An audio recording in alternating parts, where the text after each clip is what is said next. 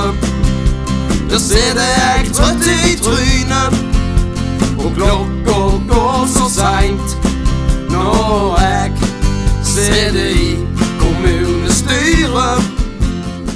Velkommen. Du hører nå på Servicetorget, Norges mest kommunale podkast.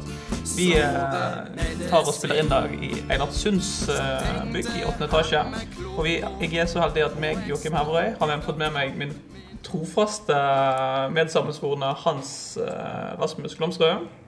Hei, hei.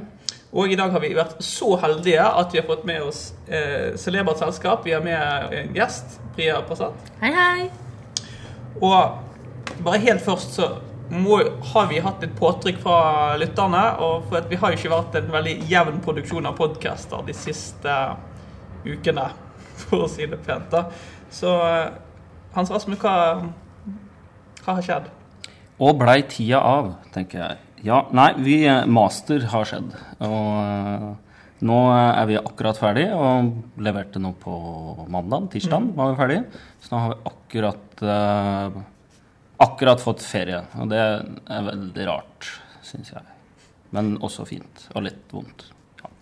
Jeg er enig med at det er både fint og vondt. Og det som også er litt rart, er jo at det finnes jo også de som velger eh, heldigvis å skrive om ikke bare kommunereformen.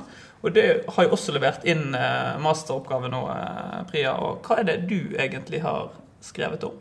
Jo takk, jeg har skrevet min oppgave om kjønnsforskjeller blant høyrepopulistiske partiers velgere.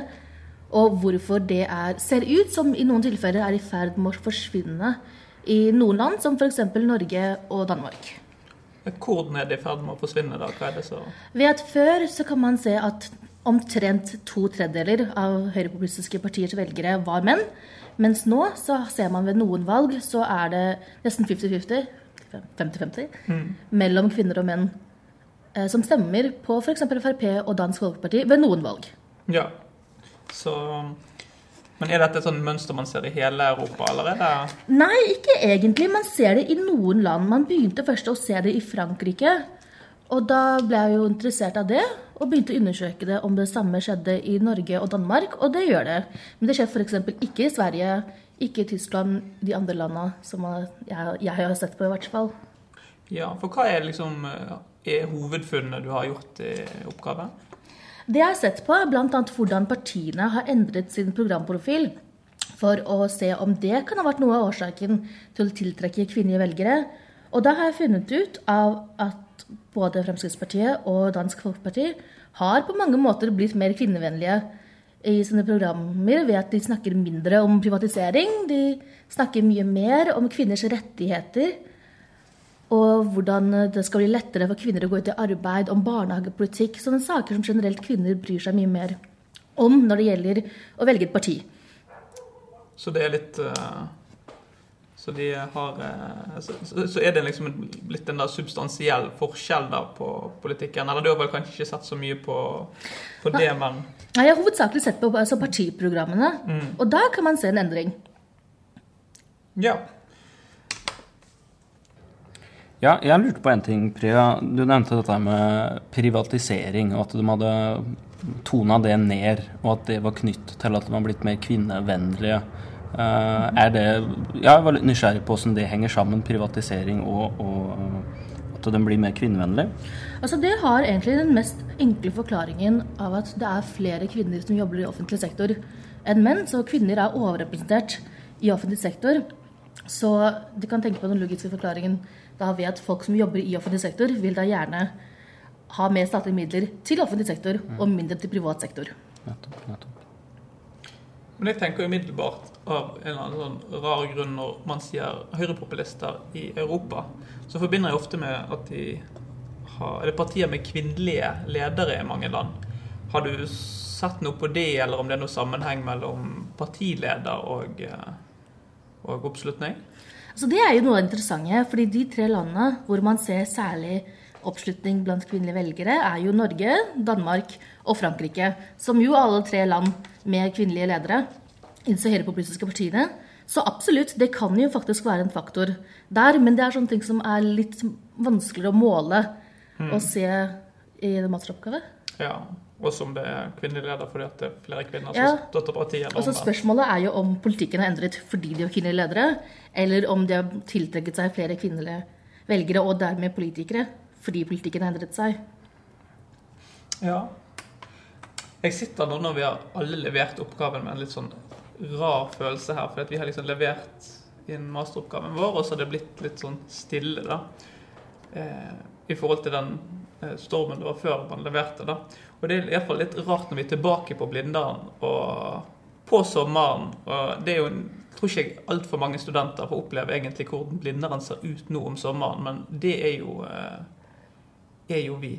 Og dere måtte jo dessverre liksom eh, vente litt på meg før vi startet sendingen her. Og har dere gjort noen observasjoner, eh, Hans Rasmus, om hvordan eh, Blindern fungerer nå uten studentene? Ja, det er jo veldig øde, da, som du, som du er inne på, men egentlig så er det veldig synd. For det er nå Blindern er på mange måter på sitt vakreste. Det er nå det er vann i fontenene, og trær og blomster eh, blomstrer. Så jeg syns egentlig at eh, Blindern er på sitt vakreste egentlig om sommeren, men også på sitt mest øde. Og dermed så er det jo litt utrivelig å være her også, da. Jeg må også legge til at vi i Servicetorget mener det selvfølgelig det er studentene som gjør Blindern vakkert. Eh, I tillegg til fontenene og blomstene. Eh, Men noen skal jo eh, bli her eh, på Blindern lenger enn andre, og meg og Priya har jo levert inn oppgaven og skal vel videre til store ting. Forhåpentligvis. Ja, Men det skal du også, for du skal jo jobbe her eh, litt framover, Hans Rasmus. Kan du fortelle litt om det? Ja, jeg, jeg blir til kvitt Blindern med det helt første. Eh, Jeg skal være eh, såkalt vitenskapelig assistent. Dvs. Si jeg skal være assistent for folk som driver med vitenskap. eh, Forskere her. Og det skal jeg være i et eh, års tid fram, fra nå i sommer til neste år. Så det ser jeg veldig fram til, da. Så det, det tror jeg blir veldig moro. Altså Jeg har jo ikke sånn stålkontroll på hva en vitenskapelig assistent gjør, men jeg ser det for meg det er litt samme relasjon som det mellom Petter Smart og denne her lille hjelper. Denne her eh, lille figuren du spør om. Er det en eh, riktig sammenligning? Ja, det er jo en hyggelig sammenligning i alle fall. Eh, ja, nei, altså det er jo sånn at eh, i alle forskningsprosjekter så er det et groverbe som må gjøres, og det er eh, stort sett hvittassen, som det blir kalt på stammespråket, som gjør det. Så det kan f.eks. være å eh, Jeg har drevet mye med kommunesammenslåing, f.eks., og da kan det være interessant å å eh, undersøke hvordan kommunene f.eks. har forhandla seg imellom. Og da har de skrevet forskjellige typer avtaler, f.eks. Det kan være da å samle inn disse avtalene, gå gjennom dem, kode dem, finne ut hva som er kjennetegna ved dem, for så da kunne lage eh, Altså produsere data, egentlig, for eh, å samle inn data for dem eh, som da eh, bruker det til forskningsprosjekter. Så det er jo sånn sett egentlig en litt sånn skummel oppgave, for du, du, du har jo ganske mye å si da, eh, på at den eh, datainnsamlinga må være etterrettelig. Da. Det er jo litt fare for følgefeil hvis du begynner å gå Ja. i hytt og pine i løpet av sommeren. Ja, og det er jo noe med det også, at du får jo Jeg syns det er litt sånn skummelt, da. Men, eh, men eh, det, det er noe noen lærer. Ja. Det er jo eh, så mye som eh, kan være skummelt. Og du, Fria, Priya, du har jo Eller vi i, i har jo æren av at du vår første folkevalgte politiker eh, som gjest på programmet. Og du har jo eh, den gleden av å representere Arbeiderpartiet, har jeg forstått, i Bærum. Det gjør jeg. Kan du fortelle litt om hvordan det er, eller føles?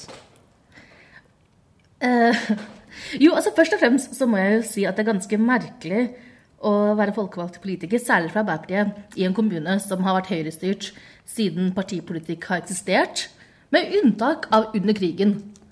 Da Ja. hadde vi et unntakstilstand hvor alle partiene kunne være med og si noe. Ja. Så selvfølgelig er det jo ganske spennende på den måten, men å Det er jo ikke så staselig hvis liksom høydepunktet til partiet kommunen var andre verdenskrig. Nei, du kan si det. Men samtidig så føler man jo at man gjør noe fornuft, eller man gjør noe viktig ved å være motparten til de som styrer. Men altså, noen må jo ta den rollen hvor man sjekker at flertallet gjør det de skal gjøre. At økonomien går sånn som den skal. Og være ansvarlig i parten. Ja, ja, men jeg lurte på, altså når du sier at eh, det har vært uh, Høyre-styrt i, i alle år, hvordan fungerer Bærumspolitikken? Er det sånn da at det er Høyre som bestemmer eh, alt, og Arbeiderpartiet får, eh, blir nedstemt hele tida, eller foregår det samarbeid litt på tvers av partilinjene også? Det er fint at du spør om det, fordi man man skal jo huske at veldig, veldig, veldig mange sakene er jo ofte enstemmige mellom partiene, og man er ofte enige om mange saker. Og derfor så blir det ofte mer oppmerksomhet om de få sakene som man ikke er enig om. Men veldig ofte så Høyre styrer enten I forrige periode så styrte de Høyre alene, men stort sett så styrer Høyre sammen med et annet parti, som f.eks. Frp, Kristelig Folkeparti, Venstre. Men er det ja, men er det liksom eh, litt, kanskje litt vanskelig å drive Hvis du har et så stort parti som du har i Bærum, da, så vil det være ofte Høyre som trekker inn andre partier i samtaler og samarbeider om saker osv. Men er ikke litt vanskelig å markere seg som et veldig sånn tydelig opposisjonsparti hvis man samtidig liksom skal snakke med de som styrer? For det er jo men det er jo også den måten man gjerne må gå fram hvis man faktisk skal påvirke noe. da, Så det er vel en liten avveining der, kanskje. Ja, for det er noe med det at for å kunne få flertall, så er vi jo helt avhengig av at Høyre eller posisjonspartiene er med oss på en eller annen måte. I hvert fall når Høyre hadde rent flertall, så var vi avhengig av at noen brøt ut av Høyresen gruppe og stemte med oss. Og i forbindelse med det så kom jeg på én sak. Det er faktisk den eneste saken i mine nå seks år i kommunestyret hvor eh, mitt parti har fått flertall Oi. i en sak. Og det var jo takket være to, tror jeg, to eller tre stykker som brøt ut av Høyresen gruppe. Og da stemte med resten. Ka- kan du si noe mer om hva sak dette her Jo, det saken handlet om at Bærum kommune skulle gi en høringsuttalelse om konsesjonsloven. Og da var det Høyre som foreslo å endre konsesjonsloven ved å heve arealgrensen for konsesjonsplikt og boplikt. Og dette var ikke vi enig i, og det var jo ikke heller noen av de andre partiene som var med enig, så vidt jeg husker. Og da ble det avstemning om det, som vi vant. Ja. Hurra. Hurra! Konsesjon, det er da knyttet til landbruk? Ja, riktig. Det er jo Ja. Så hvis det er noen uh, småbønder i Bærum som uh, har uh, Jeg tror vi bare er storbønder. bare ja, de eventuelle som har gleden av den lave konsesjonsplikten, så er det, har vi da Priya Passato å takke for. Uh, Men ja, vi er jo Norges nest største landbrukskommune. Det må du ikke glemme. det må vi aldri glemme. For øvrig, hva er Norges største landbrukskommune? Er det noen som vet det? Det kommer helt an på hvordan du måler det. Så vidt, altså Bærum er jo Norges nest største landbrukskommune på én målemåte, for å si det sånn. Ja. um, ja, det er jo morsomt hvordan kommuner kan skifte litt uh, identitet, som man kan si Bærum har gjort. da. Så den blir ikke oppfattet så veldig bonde, kanskje. Nei, jeg tror det er færreste selv som bor i Bærum som tenker på det, men det er ikke så langt, langt tilbake du trenger å gå før det faktisk var ordentlig jordbruk i Bærum. Men er det noe Altså, jeg er jo fra en helt annen kant av landet, så jeg er ikke så kjent i, liksom, i regionen, egentlig, Oslo, da. Men er Altså, for meg så er jo, er jo Bærum Har jeg ett bilde av Bærum, da, som er på en måte dette her eh, dette her bli Høyre-kommune. Ja. Men det må jo være noe liksom eh, eh, forskjell innad i kommunen òg, da. Og er det noe eh, det Fins det noe A altså- tale of two Bærums? Vi har geografiske forskjeller, selvfølgelig. Og du kan jo si på altså I Oslo så har vi problemer med Oslo vest og Oslo øst. I Bærum, pga. vår geografiske tilhørighet, så blir jo vår Oslo øst er den som grenser til Oslo vest. Og derfor så blir jo det ofte klassifisert som det du tenker på Chablis-høyresida. Og så har vi jo da vest i Bærum. Ja. For som- vest blir jo på en måte øst. ja, nettopp. Ikke sant? På grunn av hvordan vi ligger geografisk sett. da. Hvor det er um, ikke akkurat Chablis-høyre-tilstander hele tida, i hvert fall. Er dette noe du kan kjenne igjen i Mysen, eh, Hans Rasmus? Å ja, nå jeg kommer jo jeg fra utafor Mysen, så jeg har vel Nei, jeg tror det er Men, det, men kanskje det er i ferd med å bli. Det er Boligprisene øker jo, eh, men foreløpig så tror jeg Ja, det er noen De har bygd Det som skjer i, eh, i Indre Østfold, det er jo det at når de bygger nye boligfelter, så legger de dem på, på åsene. Sånn at de som bor høyest i åsen, det er liksom det er det fineste stedet. da. Så jeg tror nok det er forskjell på folk på Mysnau. Ja. Tror du at det er hvor flere meter man er over havet, så påvirker det både partivalg og sosial kapital der? i ja, jeg tror i hvert fall graden av utsikt og utsyn påvirker det. Så jo høyere opp i åsen du bor, jo bedre utsikt har du. og og ja, jo høyere sosial kapital kanskje er. Kan du spørre hvor høyt opp i åsen du eh, er, Hans Rasmus? Jeg, nei, jeg kommer fra et ganske flatt landbruksområde, så vi er, vi er, ganske like der, da. Så det, vi bor ute på prærien. Jordens salt der, altså. Ja.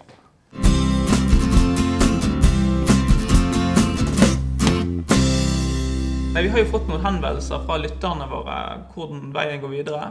For utgangspunktet var jo hensikten vår å produsere litt flere podkaster før vi leverte masteroppgaven. Og som historien viser med skremmende klarhet, så var jo ikke det et tilfelle, da. Men Hans Rasmus, eh, hva er planen for eh, Servicetorget i sommer? Ja, det var et eh, godt spørsmål. Nei, som du sier, så hadde vi vel kanskje sett for oss at det skulle være knytt til, til, det at vi skrev masteroppgave. Det var jo sånn det begynte. Og, og sånn sett så ville det jo være veldig naturlig da å, å gi oss nå. Men vi er vel kommet der at vi har lyst til å prøve litt til, se litt framover. Vi skal være i Oslo omegn uh, begge to framover i sommeren, så planen er vel å prøve å å kanskje ha et litt jevnere tempo nå og fortsette podkasten da utover uh, sommeren. Ja. Det har vært vanskelig å gi oss når vi vet uh, at vi har våre lojale lyttere der ute. Og vi har jo fortsatt en, flere som forespurte å være gjester på programmet. Og de må jo selvfølgelig få sin, uh, sin plass i solen også i, ja. løpet av, i løpet av sommeren. Så det kan se ut som det kan bli flere episoder av Norges mest kommunale podkast, Servicetorget, i løpet av sommeren. Um, så vi håper da at vi ikke ender opp som liksom litt sånne artist som er litt over the top og spiller på Vestlandshallen, liksom. Eh, foran de 50-åringer som mimrer tilbake til når de gikk på BI på 80-tallet. Ja, jeg tror ikke det er så stor fare for de akkurat. ikke ennå, iallfall. Jeg tror ikke fallhøyden er så stor. Heldigvis. Men eh, jeg tror faktisk kanskje vi har eh, fått eh, samlet mer enn nok til en eh, framifra god eh, podkast. Og da gjenstår det egentlig bare å ønske alle våre lyttere en fortsatt fin sommer. Og de må kose seg med is, sol og bysykler og alt som folk i byer liker. Og, og ute i, utenfor byen også, der vi ikke har is og bysykler. Jeg tror is har det, men kanskje ikke så mye bysykler. Kose seg, det bør det gå an å ja, kose, kose seg skal jeg iallfall gjøre. Så jeg kan bare si at eh, mitt navn er Joakim Hevrøy, og tusen takk for at du lyttet på. Ha det bra. Ha det. Kommunestyret, der ser jeg trøtt i trynet. Klokka går så seint når jeg sitter i kommunestyret. Jeg var pissetrengte, og jeg reiste meg opp. 42 øyne kikket på min kropp. Vararepresentanten på den lokale lista. Nå er du ordet. Kjemp for din sak.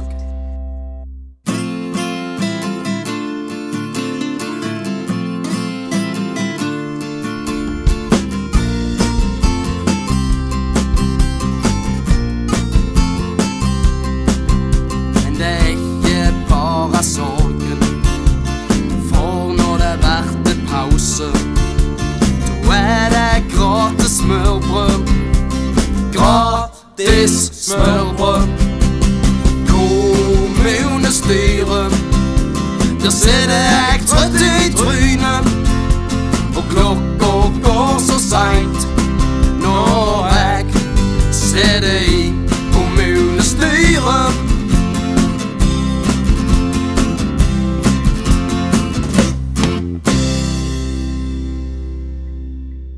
Vi har lurt på en ting, når dere snakket om dere åsene. Ja. Altså, Er det sånn greie som folk tenker at man skal gå opp Altså at man skal kjøpe seg til finere og større og lengre opphus, holdt jeg på å si? Har, man, har man liksom det Jeg tenker I USA så er det jo mer vanlig at man flytter når man Um, får barn, og så hele tida klatre opp. ja. Og der blir det som faktisk fysisk klatring. Tenkte, Ja, men det, opp det blir jo på en måte det Ja. nå, men det har også noe med det at den blir bygd ut sånn at det bor flere folk på Mysen etter hvert, og de legger ut nye De tar hele tida litt mer og litt mer, og det betyr at de som var øverst Mm. for ti år sia, blir kanskje nå etter øverst lenger, for nå har det plutselig kommet et nytt boligfelt over dem igjen. Det er nesten noe bibelsk over seg. Ja, men, men det er en del av Mysen som jeg kanskje kjenner litt dårlig, da. Men det For jeg kommer jo liksom ifra bygda, på en måte. Jeg kjenner jo masse folk på Mysen. Men eh, Men det... Måtte det, bare etablere det. Du måtte bare etablere det. Jeg kjenner folk fra Mysen, altså. Jeg lover. Jo, jo. Nei, men altså Det kan godt hende de har et litt annet perspektiv på det, de som har vokst opp der. Og har, eh, men det er liksom ikke noe sånn kjempe Det er ikke kjempeklasseskille, men det er litt klasseskille på Mysen. For er det sånn at du kan høre på liksom, etternavnet og hvor høyt oppe i åsen Nei, det er såpass nytt, men uh, jeg, jeg var klar over ikke noe som hadde helikopterplass, f.eks. Fy søren. Uh, men det, det var noe liksom helt ekstremt, da. Men, ja. Men var det noen i klassen din som hadde det? Liksom? Eh, ja, det var eh, en parallell klasse. Ja. Og det var noe alle visste. Ja, det var, var noe vi sa sånn. Men de aller fleste var helt vanlige folk. med og uten helikopter? Ja, med Altså, til og med, Jeg tror ikke jeg kan si noen hadde helikoptre hos de som gikk i klassen min, og jeg er fra Bærum. Så Men jeg vet ikke om det var helikopter... Nei, jo, jeg tror faktisk det var helikopterplass på jeg tror ikke noen i mine parallellklasser hadde helikopter. Det må da være mange i Bærum som har helikopter. Ja, men ikke i min skole, eller ikke i mine klasser i hvert fall. jeg går liksom og drømmer om å kjøpe en sykkel, liksom. helikopter. Å, gud. Altså, helikopterplass, men det, skal- altså, det er ganske mange som har et sånt plass til å lande helikopter, men ikke har helikopter. Det er vel ikke så mange som har plass til å lande lande du trenger ikke så mye plass for å lande helikopter. Nei, det er sant. Jeg kan også lande helikopter hjemme, men jeg har liksom ikke Jeg har ikke Nei, helikopterplass nei, med nei. H på. Eller. Det tror ikke jeg noen av, noen av mine på min skole hadde heller. Men ute hos oss så er det jo med Der kan det også være litt Det kan være litt klasse, tilløp til klasseskille. Men det er mer sånn de største gårdene, kanskje. Hva ser du at det klasseskillet krystalliserer seg som, da? Nei, Det er ikke så lett å helt vite det, på en måte. Men, men det er litt sånn at um, det, det blir jo ikke mer det, det blir jo ikke mer moro enn det du finner på sjøl, holdt jeg på å si, på bygda. Sånn at, sånn at folk har liksom litt ulike sosiale lag som de går i, kanskje. da. Så mens jeg liksom har vokst opp i en familie som da kanskje har tilhørt mer um, en slags bedehuskultur, kan du si, så er det liksom én eh, flokk. Og, um, så du kan liksom si at du har, du har bønder, og så har du kristne bønder. Og de som bare er bønder, de går ikke så mye på bedehuset. Men de går kanskje det, altså Folk går jo på tvers av disse her eh, gruppene, da. Men de går kanskje mer på liksom eh, Har store fester eller et eller annet sånt. Eller, eh, eller har vært mer i bygdeungdomslagsmiljøet, f.eks. Og der er det kanskje litt høyere alkoholfaktor enn det det i hvert fall er i bedehusmiljøet. Sånn jeg er husker det Sånn jeg husker det når jeg vokste Har du også bodd på gård? Nei, jeg har ikke bodd på Eller for så vidt, det var en gård i nærheten av der jeg vokste opp, så jeg så Ah. faktisk sauer fra huset mitt. Eh, Men da var det ikke den fordelingen. Da husker jeg det tre grupper mennesker. Men det var litt på helt andre eh, konfliktlinjer. da. Altså Du hadde også den kristne gruppen, de som gikk på krig, og så var opptatt av av Jesus. Og så hadde du en gruppe som var de sånn sekulære som spilte fotball og hørte på teknomusikk. Og så også de sekulære som spilte basketball og hørte, og hørte på hiphop. da. Uh, det var Så det liksom går ikke an å gjøre annet. Du må bare på tekno eller hiphop, ellers må du være religiøs. Ja, på det tidspunktet var det Ja, altså. ok. Men selvfølgelig når man er litt eldre, så får man litt mer å velge i. da. Jeg Ja. var for øvrig i basket- og hiphop-gruppen. Det Så det fins noen litt er ikke rart folk bilder. blir religiøse, da. Det, Ja, ja, det husker jeg veldig godt. Så forsvant jeg jo inn på Danielsen ungdomsskole, så der ble det jo bare den store kristne flokken der. Ja, sier du det? Jeg føler du kommer fra et ganske interessant område, egentlig. fordi at det er jo Jeg ville tippe egentlig at det var ganske mye som endra seg på liksom én generasjon der. Mm. Altså at det var litt sånn by og land veldig på Altså, Fjell For det er jo mye innflytting, er det ikke? Fjell har jeg hørt var fra relativt pålitelige kilder at det største KrF-laget i landet lå i Fjell kommune, og da var det sånn ca. 8000 innbyggere der. Ja. Så det var jo veldig sånn eh, luthersk plass, kan du si. da, At det var veldig konservativt og veldig religiøs plass i, i, i Norge. Så hadde på en måte hadde du bygd en bro fastlandsambanen, og så hadde det blitt veldig stor innflytning fra Bergen. Og så hadde det blitt litt sånn olje-Klondyke-stemning, og så hadde det blitt veldig sånn her nyrik kommune, på en måte, da, der man gjerne har mange som jobber i oljen, og litt med, folk har blitt mer sånn type sånn Høyre-Frp-borgerlig, mens før var de mer sånn KrF-borgerlige. da. Så det har liksom gått fra å kanskje være opptatt av de mer åndelige ting til de mer materielle ting. hvis det... For det er jo liksom noe nytt nå ved sist valg. Nå snur vi kanskje litt tilbake men altså at Høyre liksom har fått så gjennomslag, og kanskje også i stor grad Frp, fått så gjennomslag på Vestlandet og langs kysten. For det har jo egentlig aldri vært Altså Høyre har jo vært knyttet til byene, f.eks., så jeg vil tippe det at kanskje Bergen har vært en blå by, men, men uh, Altså Bergen og Vestlandet mye har jo egentlig vært sentrum. da. Venstre har vært store, Ja. KrF har vært store. og Høyrebyen er jo egentlig Oslo. Men det som er interessant nå, er at man har forbundet altså, Vestlandet og Gullkysten med at de eh, har vært veldig blå. Men vi har jo sett nå at de har blitt veldig røde. Og det er heller de tradisjonelle røde plassene som har gått til høyre i det siste. da. Det har jo kanskje noe med arbeidsledigheten er litt høyere i enkelte deler av landet enn andre. Men det har jo også kanskje noe med at det er en viss, viss skifte, da. Ja, Det er jo veldig rart. Himme så har det jo plutselig blitt masse Høyre-ordførere. Det var jo aldri en før. Eller det var en og annen, men, men Indre Østfold var jo også sentrum. Altså det var, det var borgerlig sentrum, men det var sentrum. Så det, og det er jo til dels ennå. Det var Senterpartiet og KrF, og langt mellom de kvinnelige ordførerne. Eh, mens nå har jeg liksom plutselig fått en del Høyre-ordførere, så det er veldig nytt. Du kan i det minste huske andre ordførere enn Høyre-ordførere. Fy faen, så deilig det må her. Ja. Er, Nei, det er liksom kanskje ikke så mye variasjon i Bærum. Det blir sånn sånn borgerlig Jugoslavia i, eh, i Norge. Ja. Det er lov å håpe, da. Men vi har, vi har en kvinnelig ordfører, så det går jo framover. Ja. Hennes andre periode nå, og hun er faktisk utrolig flink, altså. Ja. Men ofte så er det jo litt sånn at de partiene betyr jo ikke nødvendigvis så mye på lokalplan. Altså Jeg har inntrykk av at selv om du sitter i Høyre lokalt, så kan det bety Det betyr lett, men i mange saker så er det mye mer samstemmighet, på en måte. Men det er også ofte Og det går mer på tvers. Men det er ofte også store regionale forskjeller i hva Høyre står for. Altså Høyre i Bergen og Høyre i Oslo og Trondheim er forskjellige dyr, tror jeg.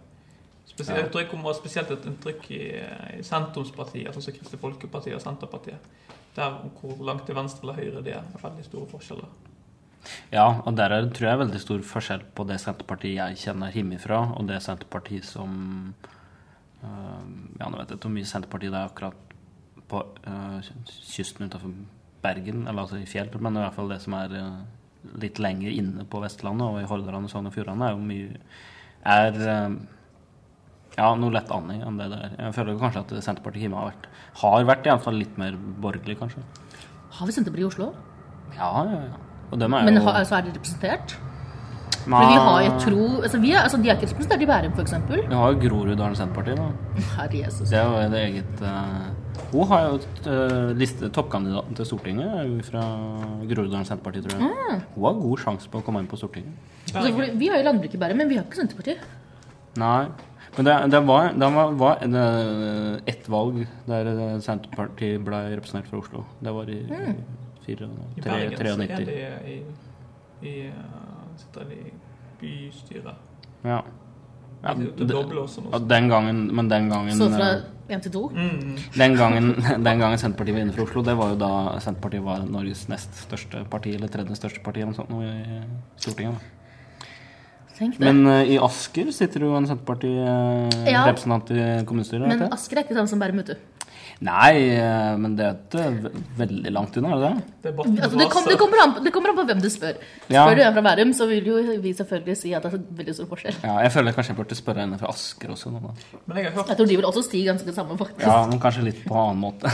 men jeg har hørt liksom at du har Bærum, og så er det Asker som knytter seg litt opp til Bærum, og så er det Oppegård som knytter seg litt opp til Asker igjen.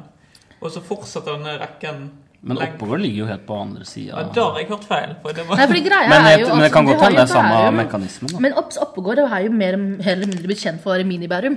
ja, Sier du det? Ja, for det Det er veldig mye nyrike ønsker der. Ja. bedre med Bergen når vi gjøre de gamle pengene.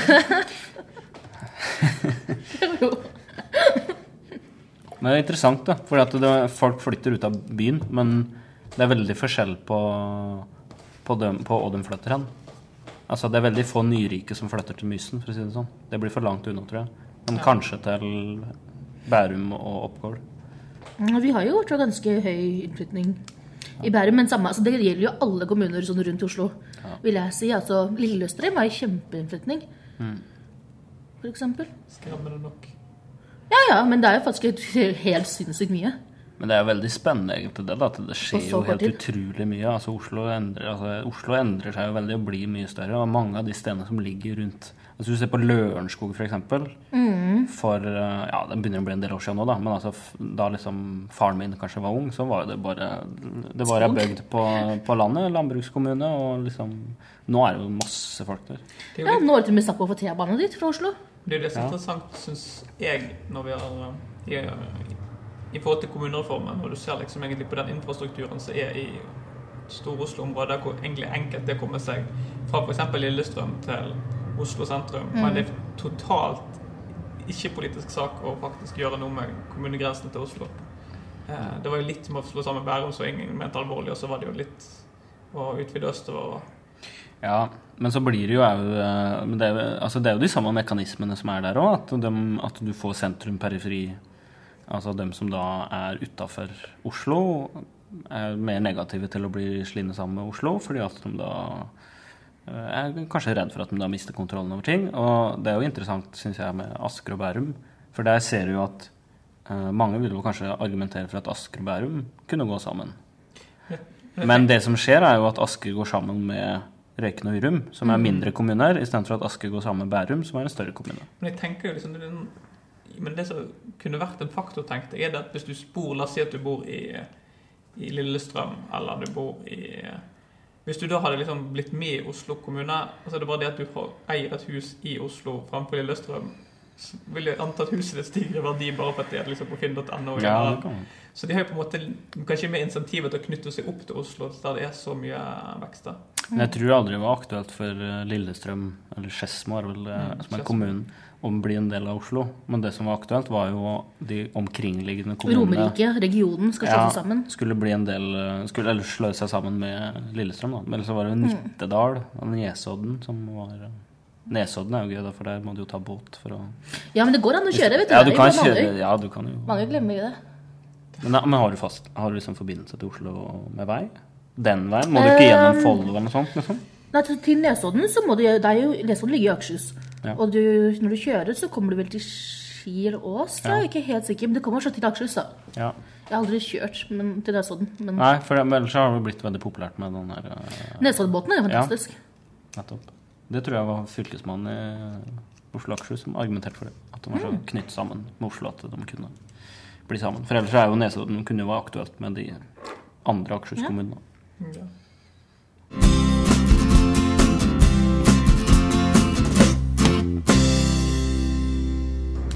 skal ikke stikke av, da. Skal jeg prøve oss på en ny avslutning, i tilfelle den andre ble litt rar? Ja, det må du få lov til. Mm. Ja. Men da tror jeg at uh, vi går inn for landing her på Servicetorget, Norges mest kommunale podkast. Så da er det bare å ønske alle våre lyttere en fin sommer. Og uh, du må se med sol og is, og gjerne med bysykler hvis du har det tilgjengelig. Uh, og så, eh, ja Da tror jeg vi har det. Så sier vi farvel fra oss i uh, Servicetorget. Ha det. Ha det bra. Fint. Ring til kommunen.